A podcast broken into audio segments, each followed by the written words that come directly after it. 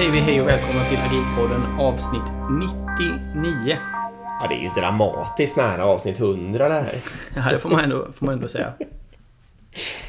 Eh, precis, du heter Erik och jag heter Dick. Vi är Agilpodden. Vi har hållit på sedan i december 2016 tror jag. Eh, Ja, otroligt nog. Mm, helt otroligt. Och alla ni fantastiska lyssnare är med oss. Vi har också CRISP med oss eh, som samarbetspartner och gör den här podden möjlig, vilket är jätteroligt. Eh, idag ska jag berätta om en speciell grej som händer här nästa vecka, så ni får vara snabba nu, men lyssna noga nu här. Eh, det är många som pratar om servant leadership, men vad är det och hur gör man i praktiken? Ett väldigt bra exempel är Intent-Based Leadership från David Marquet, eller Marquette. Eh, Han är då känd från boken Turn the Ship Around där han beskriver hur ubåten Santa Fe gick från att vara rankad sämst i flottan till att bli bäst. Eh, Och det är en förändring som levde kvar långt efter att han hade lämnat den här båten. Då. Mm, du har köpt eh, boken, eller vi har Just köpt boken och du ska läsa den. Precis, Mm. den damp ner i min brevlåda igår tror jag. Och jag ska precis börja läsa den. Så det, vi kommer nog komma tillbaka till det här. Chris Absolut. Då i alla fall kör ehm, eh, en de är licensierad partner med David och de har ett kurstillfälle den 27 maj. För om ni vill lära er mer om det här då. Och det är ju alltså torsdag nästa vecka. Så ni, då ska ni vara supersnabba och så ska ni gå in på crisp.se IBL. Alltså Intent Based Leadership. Ehm, och anmäla er omedelbart. Ja, gör det. Precis. Jättebra. Ja, Supertack till CRISP för att ni är med oss. verkligen. Eh, vi ska också säga det, vi, vi, vi gav ju lite teaser där då att vi fyller 99. eh, och nästa gång är det avsnitt 100 helt enkelt. Och det tänkte vi då fira eh, i form av en stor fest. Eh, dock digital. Eh, så vi tänkte helt enkelt spela in avsnitt 100 eh, via Zoom. Och vi tänkte att alla lyssnare får helt enkelt vara med.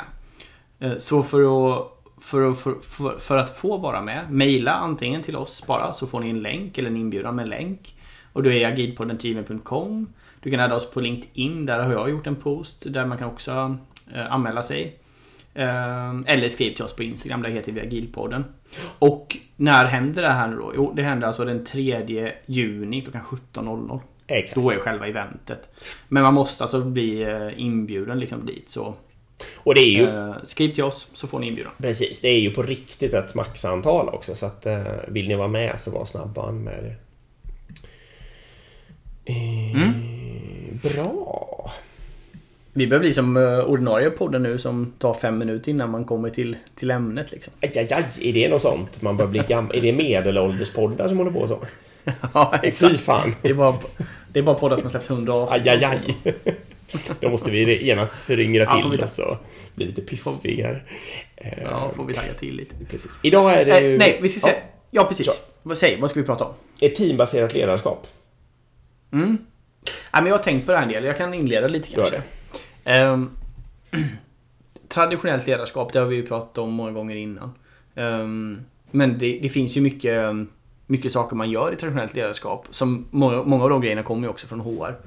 Eh, en grej är ju då liksom till exempel man gör utvecklingsplan.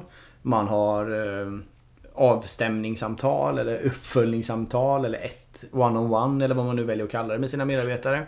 Och lite andra sådana typiska processer som man, som man gör. Det som dock har hänt senaste åren sedan man införde liksom alla de här traditionella HR-processerna eller chefsprocesserna. Det är ju att man gör mer och mer jobbar teambaserat. Alltså tittar man på en IT-organisation idag så sitter man ju nästan 100, mest troligen 100% av sin tid i ett utvecklingsteam med sina kollegor. Ja. Och då blir många av de här gamla processerna helt enkelt förlegade och inaktuella enligt mig. Ja, med. Och då måste man på något sätt tänka om och göra om de där sakerna. Håller du med? Ja, absolut. Och nu, du touchade på det, men liksom, eh, vi säger väl bara att med teambaserat arbetssätt så menar vi att man eh, sitter i ett team och har någon form att man behöver varandra för att lösa arbetsuppgifterna och löser dem tillsammans och har ett gemensamt mål. Liksom. Eh, Det har vi pratat om i andra avsnitt. Ja, exakt. Och precis, och då trillar man över i det och då är det, och då är det dumt att tro att eh, man ska ligga, kunna ligga kvar med traditionellt individuellt ledarskap. Det, det är ju det du säger. Ja, och en av mina favoritexempel då, om vi ska gå in på konkreta saker, det är ju just um, utvecklingsplanen. Mm. Så det absolut vanligaste idag är ju att det är en, ett hemligt kontrakt mellan den anställde och chefen. Ja. Så man gör, ja, om vi ska vara, gå supertraditionellt nu, så gör man det här en gång om året. Ja, Man följer någon mall som HR skickat Ja. ut. Eh, Man fyller i då liksom att Ja, det här eh, i bästa fall så är det någon form av feedback involverad. Liksom. Kanske att man har samlat in feedback från medarbetare och så vidare. Eller man får feedback från sin chef. Och man får också ge sin chef feedback. Men sen ska man då klutta i alla de här liksom. Ja, vad har jag för utvecklingsmål? Vad vill jag nå? Vilka tre saker ska jag göra till nästa gång vi har det här samtalet? Och sen så paketerar man ju det där docket och så öppnar man ju inte det på ett år. Nej. I bästa fall öppnar man det nästa utvecklingssamtal om ens då. Eller så bara gör man en ny mall eh, nästa gång. HR har släppt en ny mall. Ja. Nej men det här är min erfarenhet i alla fall. Så här ser det ut. Det låter hemskt men så är det. det ligger något i det. Och, och om man nu tänker då att vi har haft en verksamhet med eh, fem stycken målare. Och alla de här målarna jobbar aldrig ihop utan alla de är alltid upp, ute på helt enskilda uppdrag. Liksom. Mm. Och jag är chef över den här organisationen. Ah, Okej, då kanske det skulle funka ganska bra. Jag kan prata med en målare, jag kan se till att hen har det mysigt liksom och prata utvecklingsmål och den kanske vill eh, börja tapetsera eller går ut utbildningskurs, vidareutbildningskurser eller vad det är. Liksom. Så Vi kan planera in det och det, det blir lagom i takt och den personen känner sig motiverad och tycker att företaget fortfarande ger den personen liksom, motivation att stanna och sådär. Det, det, det, det kan säkert funka. Och- Eh, Men, och det finns säkert mycket bättre exempel än måleriverksamhet också. Får bara säg. säga liksom att en typisk eh, säljkår till exempel består väl ofta av individuellt arbetande människor. Eh, eller liksom revisorer eller en redovisningsbyrå eller vad du vill. Det finns ju massa exempel på eh, alltså även icke-manuellt arbete men som ändå ofta bedrivs individuellt. Liksom. Och då kan... Sälj var jättebra för där sätter man ju ofta säljmål och sånt också som är helt individuellt. Ehm, och som ligger i utvecklingsplan. Och som också ligger till lön för, för bonusar och, Ja. och löner och så vidare. Precis, men om vi nu Om vi nu översätter det här då till den verkligheten vi befinner oss i med teambaserat med teambaserade organisationer. Så är det ju helt vansinnigt att chefen ska sitta med ett hemligt kontrakt med individer hur de ska utvecklas.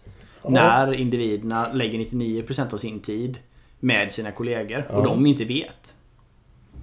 Och vi, vi kan ju säga egentligen Det här kom vi på riktigt på när vi testade att göra transparenta löner för några år sedan.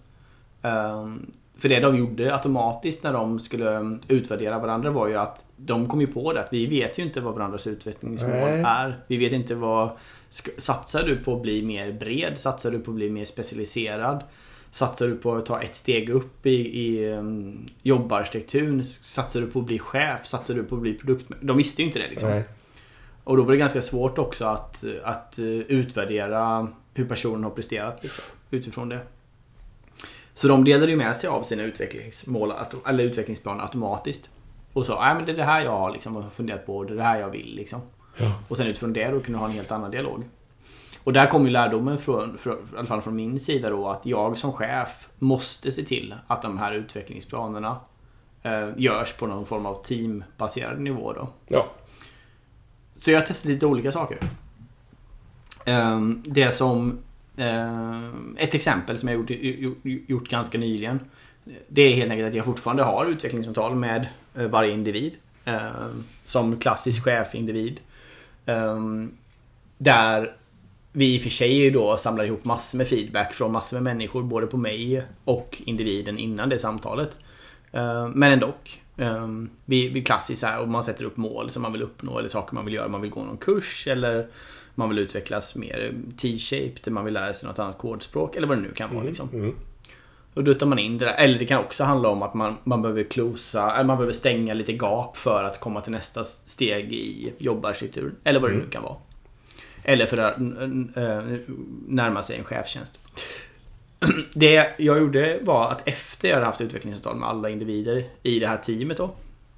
Så gjorde jag en presentation. Ehm, där ehm, de fick helt enkelt dela med sig. Och det var en frivillighetsbasis. Så det var inte jag som fyllde i den utan de fyllde själva i den. en slide var med eh, det här är vad som står i min utvecklingsplan. Ja. Och det är det här jag liksom ser. Och då var det både kortsiktigt, hur, vad, alltså vad vi gör varje halvår, eller jag gör varje halvår. Så då är det liksom på sex månaders sikt. eh, Vad är det jag vill uppnå? Eh, Och även en långsiktig, alltså två plus år. Vad är det jag ser mig själv i för typ av väg någonstans liksom. Mm. Exakt. Ehm, och sen la vi också, bara, bara för att lätta upp det här lite, så la vi också till berätta en rolig fakta om dig själv. Mm. Ehm, som en kolumn liksom. Så gjorde vi det här som en team. Och det, då, jag sa det, jag var jätte, jag, det här var jag verkligen supertydlig med att det är helt frivilligt att komma på det här mötet. Det är helt frivilligt att fylla i den här mallen. Man kan också bara lämna det tomt och inte komma. Om, Mm. om man verkligen, man, det kan ju vara att man av någon anledning inte känner för dela, dela det liksom.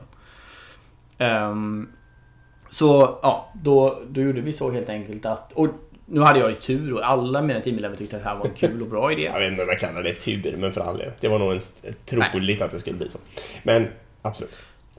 Ja. ehm, och det blev ett jätteuppskattat. Alltså det är bara en timmes möte där vi gick igenom allt det här. Och ehm, Det var mycket aha-upplevelse också faktiskt. Folk bara, ah, okej, okej, jag visste inte att du ville lära dig mer om fronten. Men då kan jag ju ta med dig nästa gång vi ska göra en grej, bla bla bla. Ja, Framförallt hade vi en, en... Ja, precis. Framförallt hade vi en ehm, eh, utvecklare som sa det att... Och det visste inte jag heller. eh, innan vi hade utvecklingsuppdraget. Att hon ville lära sig mer om, om produkt. Liksom, om hur prioriterar man? Hur, hur tänker man strategiskt? Vad man ska bygga? Hur man ska bygga sin produkt? Hur bygger man en- strategi kring produkten? Och, och sådär. Och då automatiskt hände det då som var helt fantastiskt på det här mötet. Det var ju att eh, produktchefen som var med också då eh, på mötet eh, plockade upp det på en gång och bara Ja men vi hittar ju såklart en grej, en avknoppad grej som du kan driva utifrån ett produktperspektiv. Ja, men gud vad Liksom i kul. nästa iteration liksom. Ja. Och tjopp tjopp och sen nu blev det ju så liksom. Så då fick den personen på en gång testa det, att verkligen Ja. vara produktägare fullt ut för en liten sak då. Alltså ver- verkligen ta alla stakeholders mötes, möten, att driva in det i strategin och så vidare. Och och vara med och prioritera vilken, vilken del vi ska bygga först och hela den här biten. Ja. Eh, Och det där skedde, skedde ju helt... Jag bara satt och mös kan jag säga när det hände. Jag satt där med min kaffe helt tyst och bara mös. För det var precis det som liksom var syftet med det här. Att om vi vet varandras utvecklingsmål så ger vi också, öppnar vi upp en arena för att det finns möjlighet att hjälpa varandra att nå det. Ja. Det är, det är, liksom, det är tufft att lägga allt på individen. Och det är också helt tufft att lägga allting på chefen. Eh, att uppnå de här målen. Det finns liksom ingen anledning. Det är mycket bättre att som team säga att okej, de här målen vill jag uppnå och då gör vi det till teamets uppgift att uppnå att jag kan utvecklas i den här riktningen. För teamet är ju måna av att individen stannar och trivs och utvecklas på företaget. Det är ju inte enbart individen eller chefen som är intresserad av det utan all, samtliga är ju intresserade av det. Liksom. Eh, ja, nu pratar Ja, jag mycket men... Ja, men ja, det är okej. Och just, det har du varit inne på, men om man eh, om det är någon liten techkunskap, liksom, och det är det ju väldigt ofta om det utvecklare vi pratar om förstås, som personer vill utvecklas i, då är det ju tusen gånger troligare att de här fem andra utvecklarna som sitter runt omkring har någon chans att hjälpa till än chefen. Liksom. Hur ska, den vet ju inte ens ja, vilka det- kurser som är bra, liksom, för den har inte gått Nej, någon kurs själv exakt. och så vidare. Ja, kanske liksom, men, men ja. Nej, det är så dumt Nej, men du- inte vara att tro att... Du, du, du, Ja. nej, precis. Du har helt rätt. Chefen är antagligen den sämsta personen att, att hjälpa till att genomföra Ja. det där. Men, Så är det ju. Även om det är någon mjuk alltså typ så här, jag vill bli bättre på att presentera eller något sånt där, då kan, då har ju chefen plötsligt en chans i alla fall att vara, att vara bäst på att lära ut eller vad man säga. Mm. Men även då kan det ju hända att någon av de andra har gjort samma resa själv till exempel. Så där. Alltså lite mer i närtid. Chefen kanske är jättevan vid att presentera saker sedan tio år tillbaka. Eh, Men det kan ju hända att någon av de andra kan vara en bra coach som lite kommer ihåg hur det kändes att inte vara liksom så van vid det. Och så där. Alltså det finns ju Absolut. enormt att tjäna, det fattar jag ju. Precis. En, en- en till bara viktig sak att tänka på här eh, när man gör de här grejerna.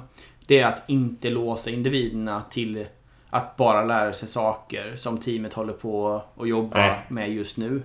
Både på produktsidan men även på techsidan. Så om vi tar ett exempel att vi har ett eh, backend eh, utvecklingsteam med bara .NET eh, backend-tjänster, låt Mm. säga.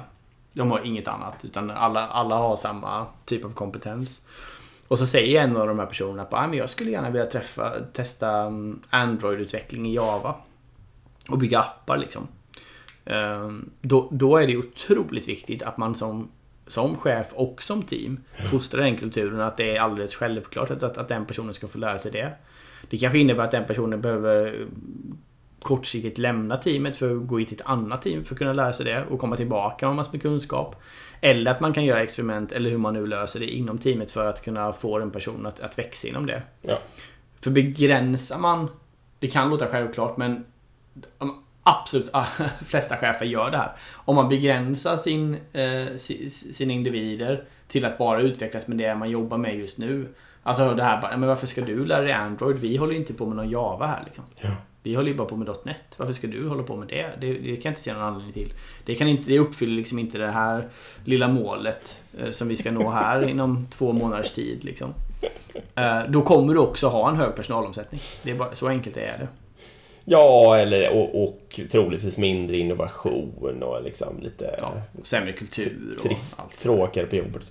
Det, det, det, just det du sa nu har väl inte direkt med teambaserat arbetssätt att göra i och för sig. Det gäller väl eh, utvecklingsplaner över, även i individuellt arbetssätt så är det en idiotisk idé att försöka begränsa människor från att göra sånt som de eh, vill. Liksom.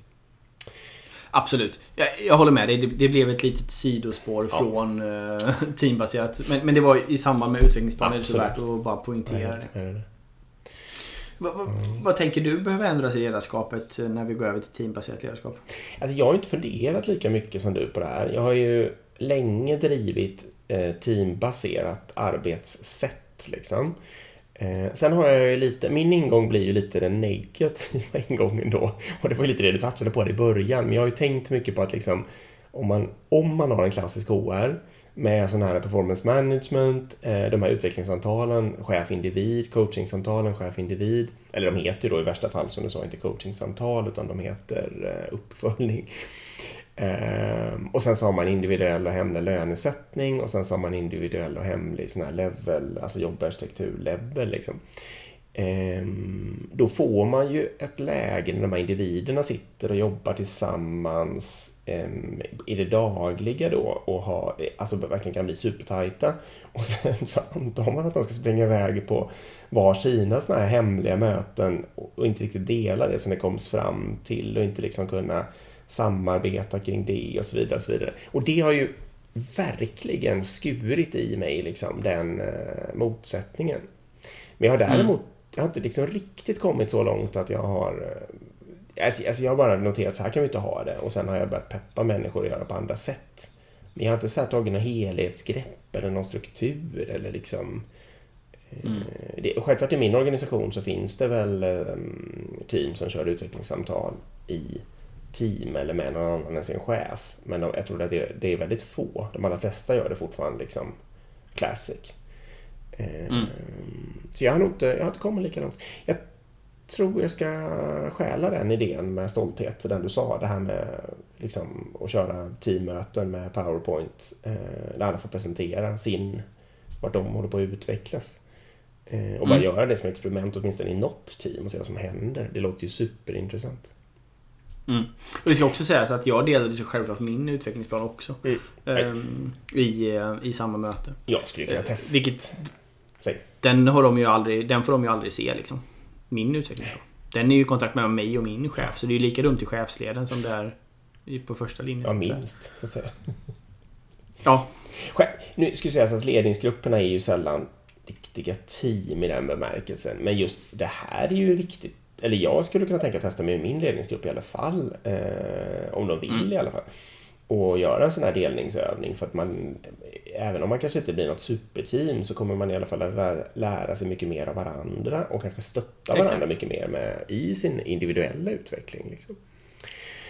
Eh, mm. Eller hur? Jag, jag, jag, håller helt med dig. Uh, det jag tänkte på också var uh, one-on-one då. Mm. Jag, det är svårt. Jag har svårt för, jag har svårt för det. Mm. Ehm, och varför jag har svårt för det, det är för att jag, jag, personligen gillar ju mycket, mycket mer att ha alla de här diskussionerna som team. Liksom. Mm. Um, och sen så eh, kan man ju ha respekt för att vissa diskussioner kanske man inte kan ha i teamet för teamet har inte nått den utvecklingen än. Alltså någon kan ju till exempel säga så att Ja, jag är så sjukt trött på eh, Kalle. För Kalle, han ska alltid fråga mig om allting. Jag får aldrig jobba på. Alltså, så här, och det kanske man, man kan inte ha den kulturen att personen kan, att de kan ta upp det liksom. Men det, det som jag tror mig stör, stör mig väldigt mycket i hela den här one-on-one grejen. Det är liksom att på något sätt sätter man en, en automatisk hierarki att, att chefen ska coacha den Mm. anställde. Liksom.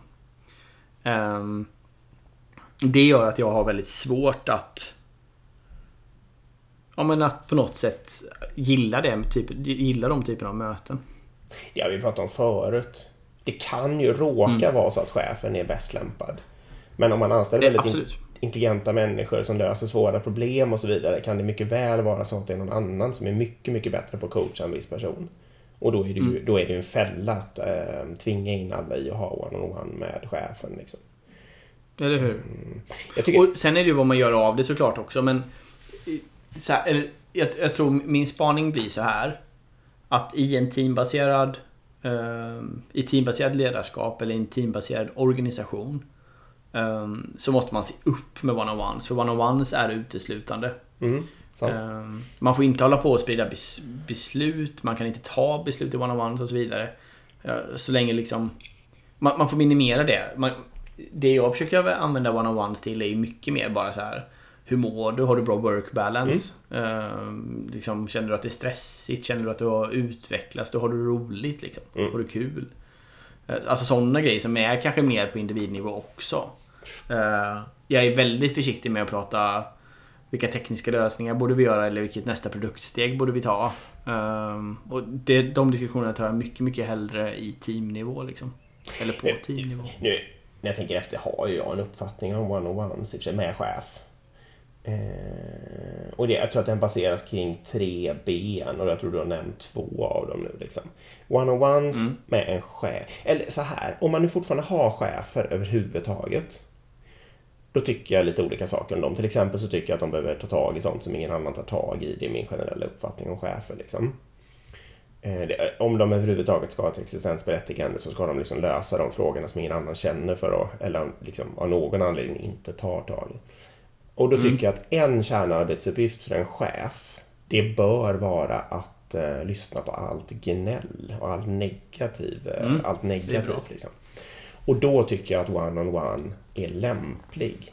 För då kan man nämligen, jag tycker det är otroligt elegant, för då kan den här medarbetaren kan kräkas hur mycket som helst, få vara hur negativ som helst, få ur sig allt det där och liksom bli lyssnad på. Man behöver kanske ofta inte lösa det eller något sånt där, det är inte det det är frågan om. Och då kan man sopa undan det från möten, för att annars är det plötsligt tio pers som sitter och blir lite negativt berörda och kanske blir lite liksom det blir lite personligt och det, det, någon börjar råka försöka lösa det och den som gnäller kanske inte vill ha en lösning och så spårar allting ur liksom. Men om chefen själv bara vet med sig att men nu, det här är mitt jobb, att sitter och lyssnar på det här en stund nu liksom. Eh, och jag behöver inte ta åt mig.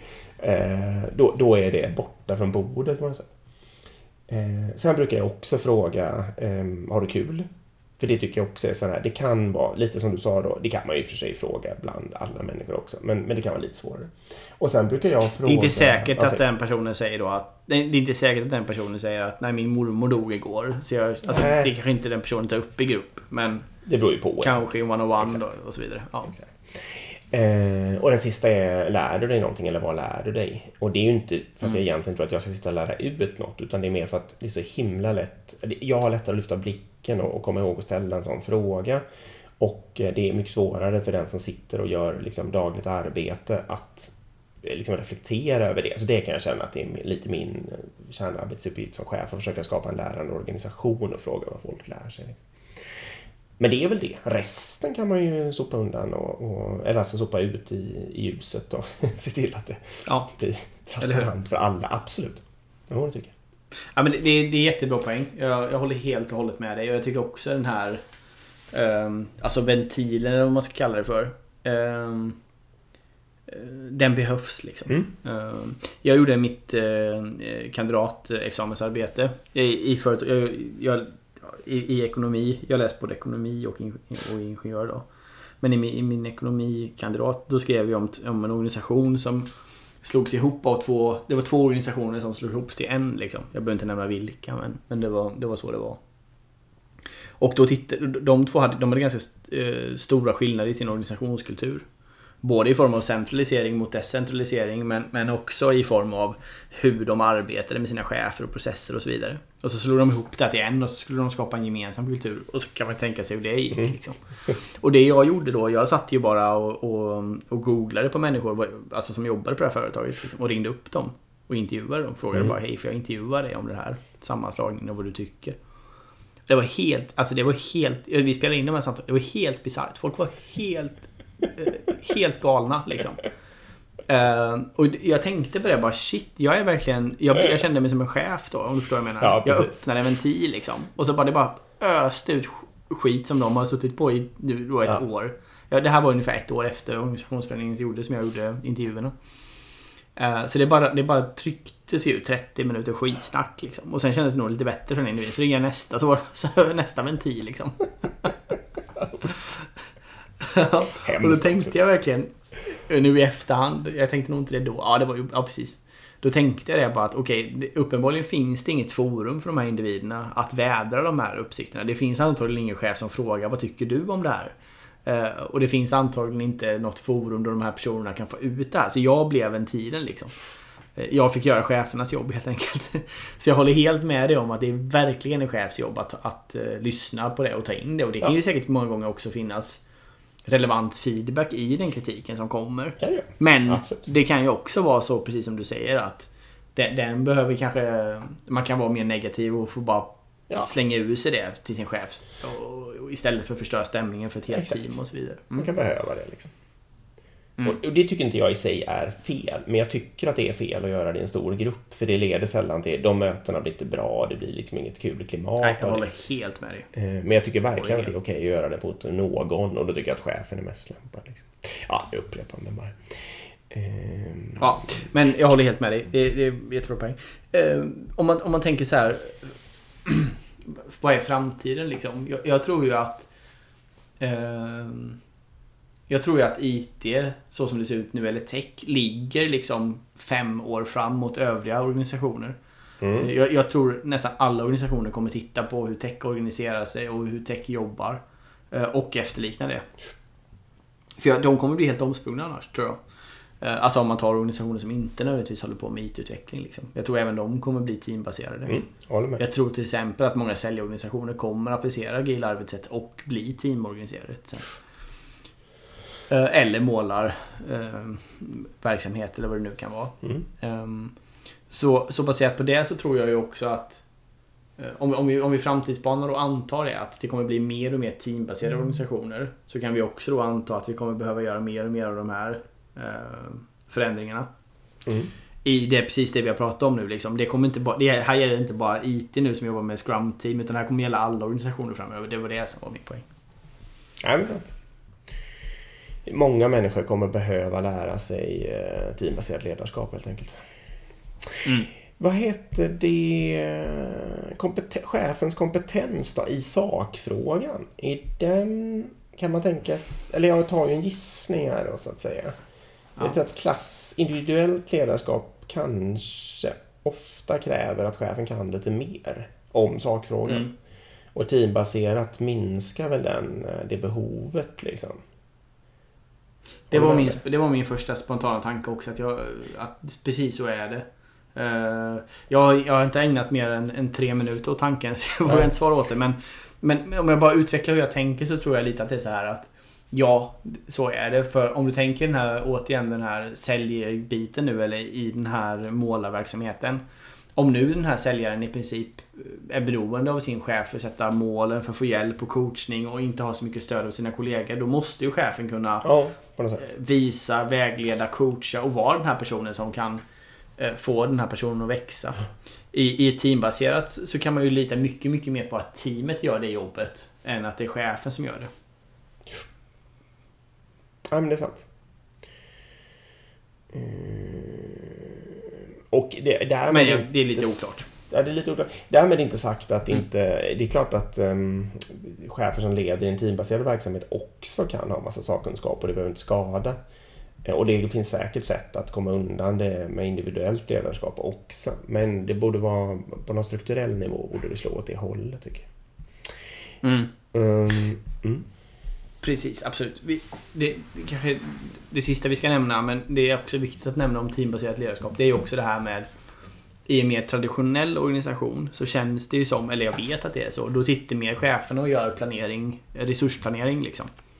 Ja, nu ska vi flytta Kalle här till ett annat team. Och Göran och Sara och Lisa ska, de ska jobba där nu. Och så gör vi så här och du, du, du, liksom. Att cheferna sitter där och bara Proffs. flyttar individer Mm. för vad de tycker. Ja, de sitter och, pro, ja, och proffstycker.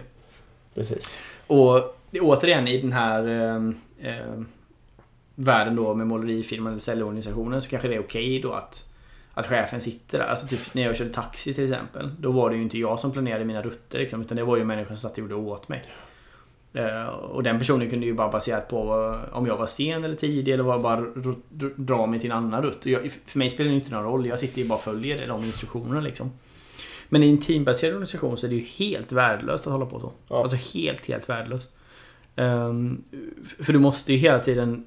Det som måste vara prio ett i en teambaserad organisation det är ju den gruppdynamiska utvecklingen. Alltså att låta team vara intakta. Mm. Med det sagt så ska du såklart inte eh, aldrig göra förändringar. Du måste göra förändringar men du måste hela tiden överväga vad är kostnaden av att göra förändringen. Och kostnaden är ju att du förstör den, den gru- gruppdynamiska utvecklingen. Mest troligen om du håller på och korrar om massor med folk hela tiden. Mm. Sant. Ja, du skickar tillbaka den till ruta ett liksom. Mm.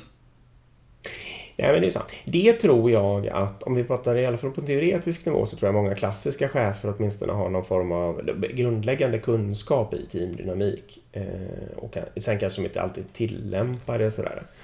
Så det är kanske den delen som på ett sätt släpar minst när man går över till teambaserat ledarskap. Eh, Men det är, ju, det är ju en väldigt viktig del av teambaserat ledarskap, som du säger. Och att, att förstå det och framförallt då att självklart lämna ifrån sig mandat så människor börjar eh, behöva övertyga varandra. Sånt där skapar liksom intressekonflikter och, och komma igång. Men även för den delen då att inte sitta och spela schack och flytta runt folk på ett irriterande sätt mot Nej. deras vilja. Liksom. Nej. Eh, och skicka tillbaka grupperna i, till, till ruta ett. Nej men verkligen. Nej precis, nu, nu kommer ju, eh, X inte vara med i det här teamet längre för han ska göra ett annan, en annan sak helt plötsligt. Och så kommer det bara från toppen. Det är ju helt, helt, helt värdelöst. Jo. Min, Okej. eh, mina fördomar säger mig att det ofta är väldigt hierarkiska organisationer och mera klassiska kulturer som liksom, eh, eller blir så. Domar snedstreck fördomar, jag vet väl också att det är så delvis. Ja. Ehm, ja. Vi ska, eh, precis så här. Vill vi säga någonting mer om teambaserat ledarskap? Eller vill vi hoppa, vill vi hoppa vidare på våra lyssnarfrågor? Vad känner du? Jag tror att jag kan känna mig klar. Ehm, Ja, För, su- summering, tänk på att det troligtvis ser framtiden för mycket fler saker än tech. Eh, tänk på att det är massa, när man börjar lösa problem i grupp eller i team så är det massa liksom andra kringsaker som bör följa med och också få lösas i grupp. Liksom. Och typexemplet som vi lyfter fram här nu är ju utvecklingssamtal. Det är ju idiotiskt att inte alla vet om vart, eh, vilken utveckling alla är på väg med. Liksom. Eh, mm. mm. bra. Då kör vi första lyssnarfrågan Mm. helt enkelt om du är redo. Och för Då- lyssnarnas skull så kan det vara roligt att veta att jag inte vet vad det är för lyssnarfråga också. Nej precis, och vi kan också säga innan vi läser om att har ni lyssnarfrågor så passa på att skicka dem till oss. Eh, antingen på Agi- Agilpodden på Instagram eller agilpodden.gmail.com.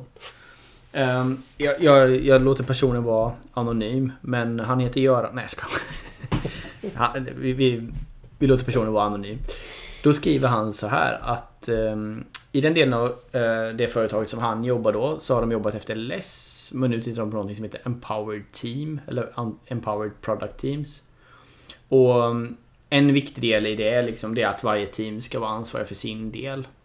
Mhm. Ehm, vilket man tror är bra då för det skapar motiverande teamsmedlemmar, team, teammedlemmar och så vidare. Men då har de ett problem och det är att hälften av den här organisationen sitter då i ett helt annat land. Mm. Ehm, och då har han listat några svårigheter med det. Ett är då att domänkunskapen um, Domänen är väldigt specifik för Sverige. Så det är väldigt svårt för de här personerna långt bort i stan då att förstå Aha. domänkunskapen. Alltså det blir Så på- användarbasen är alltså troligtvis i Sverige. Är det det man försöker Exakt. antyda? Ah, okej. Mm. Det är det man an- antyder. Och antagligen är det så att även de svenska användarna kanske då... Alltså det kanske är specifikt för vår kultur eller vårt land Mm, eller någonting. Alltså, Det kan vara, precis. Och sen är det så också att supporten funkar inte då. På, på, på grund av GDPR så får inte de ta hand om support. De får alltså inte titta på loggar och sånt. Eh, för det finns risk för att det finns personuppgifter där. Ja. Och sen så kan de inte förstå kundfeedbacken för alla kunder pratar enbart svenska. Eller pratar, man pratar svenska i den här applikationen då. Och då är här frågan, har du någon bra idé hur man jobbar mer mot sådana här då Empower Product Teams med en sån uppsättning? Ja, då vill Jag man, trodde jag svarade. nej, då vill man ju direkt det ändra faktiskt. uppsättningen. Nej, eller? Ja, Ja. exakt. Jag, jag, min, min, eh, min, min, jag svarade kortast på mail bara. Eh, bara ett kort svar. Och då skrev jag, man måste vända på frågan. Varför i hela världen har ni halva er organisation långt bort i stan för? Det är säkert kostnadsskäl eller något då. Ja. Men, men precis, och då kan man ju argumentera vidare på det då. Ja. Blir det här billigare Ja. i slutändan? Det blir billigare per timme. Mm. Nej, det kan man ju precis. De vill, less, less kan faktiskt inte jag så mycket om. Men det andra som du sa att de vill göra, det var ju troligtvis att få en autonom arkitektur då, när varje team känner ett stort ansvar och kan agera självständigt på sin egen arkitekturella byggbit, liksom. Sin egen produktbit. Ja. ja och det är ju, sig- det är ju grunden är ju det en väldigt smart tanke, det måste man ju säga. Ja, det- Eh, det känns ju lite som, om jag bara ska lägga till någonting till ditt nej, så känns det lite som eh, Oj, nu är det pandemi och allt. Annars hade det känts som att resa hade kunnat vara ett svar. Om de här långt bort i stan-människorna kan komma hit. Och kulturutbildning, det går ju förvisso att göra även mitt under pandemin. Så att de kanske kan förstå den svenska kontexten lite bättre. Eh, Jobba en del med översättning, alltså lägga lite pengar och tid på det kanske. Översätta de viktiga sakerna i alla fall. Ehm, kanske då, precis, om man, återigen när man öppnar resedelen, då kan de ju medan de är här kan de få jobba med support då liksom och komma åt loggan och så vidare så att de åtminstone någon gång under sin karriär i det här liksom har sett hur den delen går till. Även om de inte kan göra det sen eh, hela tiden. Liksom. Alltså där någonstans, om, jag, om det var ett randevillkor att jag var tvungen att använda långt bort i stan-teamen, om vi nu ska kalla dem så. Då är det typ sådana Mm. knep jag skulle ta till för att, eh, för att underlätta situationen. Men jag skulle ju också, förstås, om jag hade en chans, skulle jag ju välja att inte göra, lösa det på det viset. Mm. Precis, vi var i den här situationen med eh, när vi jobbade ihop. Att vi hade brasiliansk verksamhet. Mm. Ja, Ehm, som, som vi inte då... Ja, precis. Mm. Nej, men det var inte lika dumt. Det- Alltså det var ju en ganska gemensam företagskultur, eller delvis gemensam i alla fall tycker jag. Ja, Och det verkligen. var ingen svensk kontext heller, utan den här säljkåren var ju verkligen utspridd över hela världen med alla möjliga kulturer och grejer. Och bland annat i Brasilien också. Liksom. Eh, och sen var det ju ganska mycket kutym att alla pratade engelska eh, hela tiden överallt. Mm. Så vi hade ju inte riktigt det här caset. Men absolut. Nej, det, nej, det hade vi inte. Men- jag, jag, precis, jag håller helt och hållet med. Det, det, vårt case var lättare. Men det vi bara berättar här med just utbyte. Vi hade ju det här rotaring shares. Så vi hade alltså Mm. en stol där som vi satt på, en stol här som de satt på. Så ha alltid en stol där långt bort i stan människan sitter. Och, Mm. och tvärtom då. Så man hela tiden roterar en människa som är på vår plats. Mm. Då luckrar man ju upp det. Men, men i det här fallet, när man har det här problemet med att domänkunskapen är så viktig och att man inte kan göra support och man kan inte förstå kunderna och man kan inte förstå kundfeedback. Då är det bara, bara och enbart bara vansinne att jobba med offshoring. Det så är det bara. ja, du är alltid mer kategorisk än jag. eller Ja, oftast fall. jag, jag lovar att inte ni räknar hem det. Det är som du säger. De- Det, det är I ett Excel-ark är det billigare. För då ser du att men det kostar ju bara 350 kronor i timmen för en utvecklare. I Sverige kostar det 950 kronor att ha någon anställd och så vidare. Jo, men man måste ju också... Det, det, kostnaden med nyttan liksom. Vad producerar vi för värde? Man, det får man inte glömma. Man glömmer alltid bort i de här offshoring-diskussionerna. Glömmer Och jag har aldrig... Jag har aldrig någonsin sett, jag ska bara säga det avslutningsvis. Jag har aldrig någonsin sett där offshoring skapar en, en, lägre, en lägre kostnad. Alltså att det finns bevisat. Jag har aldrig någonsin sett det. Nej, sant. Ehm, svårigheten där är att de här människorna som driver fram offshoringen, de... Eh, alltså i och med att det är lite svårt att, att mäta um, outcome, liksom. Om man ska använda Melissa Perry-språk. ehm, Så har man ju svårt att bevisa att, att det blir mindre gjort. Liksom. Och om man mäter output, då kan det ju ofta verka som att de gör ganska mycket för att det skriver, alltså de sitter, det är ju inga lata, dumma människor, utan de sitter och skriver, de Nej. gör ju saker hela dagarna. Det är bara det att de gör delvis Mm. sådana saker som inte borde behöva göras och sådär. Eller liksom, Ehm, så, Precis, men, men det, det är där liksom problemet är att den personen som återigen tar det här beslutet ekonomiskt de har ju inte heller kompetensen utan de tänker ju bara att Mm. ja men det är bra, då kan de sitta där borta och skriva lite kod. Liksom. Det Det kan inte vara några problem. Eh, och det blir billigt och bra. Men problemet är ju att vi vill ju, alltså vi betalar ju våra utvecklare för att skriva så absolut lite kod som möjligt. exakt. Och skapa jättemycket kundnytta. exakt. Så det, det är ju maximera kundnyttan är ju det enda vi ska hålla på med. Eh, Och sen måste vi tyvärr skriva kod för många gånger för att göra det. Ehm, Men, men att då bara ta bort, ta bort hela den domänkunskapen och förståelsen för kunder och allting. Och bara tänka sig att några personer ska sitta och bara exekvera kod någonstans. Det, är, det funkar inte. Nej. Jag är ledsen att säga det men det gör verkligen inte det. Ja, Jag har testat det själv och jag är helt övertygad. Det funkar inte. vi eh, får nog lämna den här stackars lyssnaren med någon slags lycka Ja. till men att det är ett svårt läge så att ha, ja, liksom, var inte för hård mot dig själv. Liksom. Nej, verkligen. Ehm, mm, har vi en till? Lyssna fråga nummer två. Mm, kör. Ja. Ehm, då är det så här att ehm, den här personen har hört talas om två företag som backar tillbaka till projekt och projektkontor trots Oj. goda resultat i sin agila resa. I båda fallen är det toppstyrt där ledningen trycker ner det gamla arbetssättet igen efter att nya personer kommit in i ledningen. Aha. Är detta någonting ni har hört om? Har ni fler exempel på detta? Har ni gjort någon analys på varför det är så här? Nej. Det här har jag nog inte hört talas om faktiskt. Jag har också lite svårt att se det. Alltså att... att eh, det ska ju vara en väldigt extrem person som ska, ska komma in och backa sådana positiva förändringar. Eh, alltså i stor speciellt om det är jätte- skala. Ja, Speciellt om det har gett eh, gott resultat. ja. Ehm, Den personen skulle man ju verkligen vilja... ja, Om, om du är en sån och lyssnar så hör av dig. Vi vill prata med dig. så kan vi säga. Vore ju superspännande. Det klart, man undrar ju då, jag undrar för sig några saker. Jag undrar direkt om den här Mm. eh, organisationen, eller om det är ett företag så undrar jag om de har lönsamhetsproblem och sånt där förstås. Mm. För då kan det ju bli lite repressiva sådana förändringsåtgärder som kan vara lite dumma. Ehm, men om, de in, om det liksom är välfungerande hela vägen ut till alltså, nöjda kunder och lönsamhet, då är det ju väldigt svårt att förstå hur de kan göra så faktiskt. Det verkar vara en väldigt dålig rekrytering i ledningen. Ehm, Ja, verkligen. Och det, man vill ju göra några saker här. Man vill ju, man vill ju veta vad företaget tycker om, alltså alla individer tycker om det här. Så man skulle ju vilja göra någon medarbetarundersökning nu då.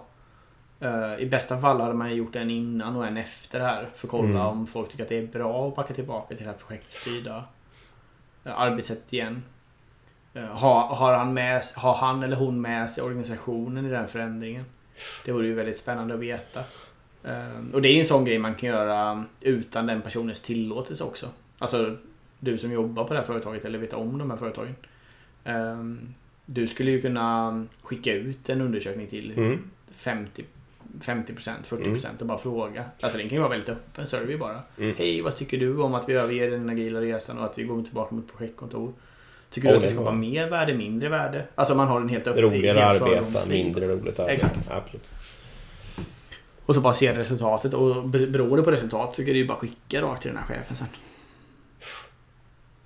Tror du, eh, om, Men, om jag bara, eh, nej. rent psykologiskt ska försöka förstå, då är det klart att det jag ser framför mig är att det kommer en människa från en gammaldags kontext och känner att den inte får någon... Den, den, saknar den här regndansen liksom. Den saknar den känslan av kontroll eh, i den här nya organisationen. Och då blir den lite desperat ingen, och ingen vill tillmötesgå det. Ingen vill berätta eh, hur mycket dens stora aktiviteter kommer kosta och sånt där. Därför att ingen vet, för givetvis. Men, eh, och man, men om man då tvingar fram det gammaldags beteendet då får man ju sådana påstådda eh, ja, en påstådd kontroll som i och för sig inte stämmer men, men det ökar ju känslan av kontroll och förutsägbarhet. liksom.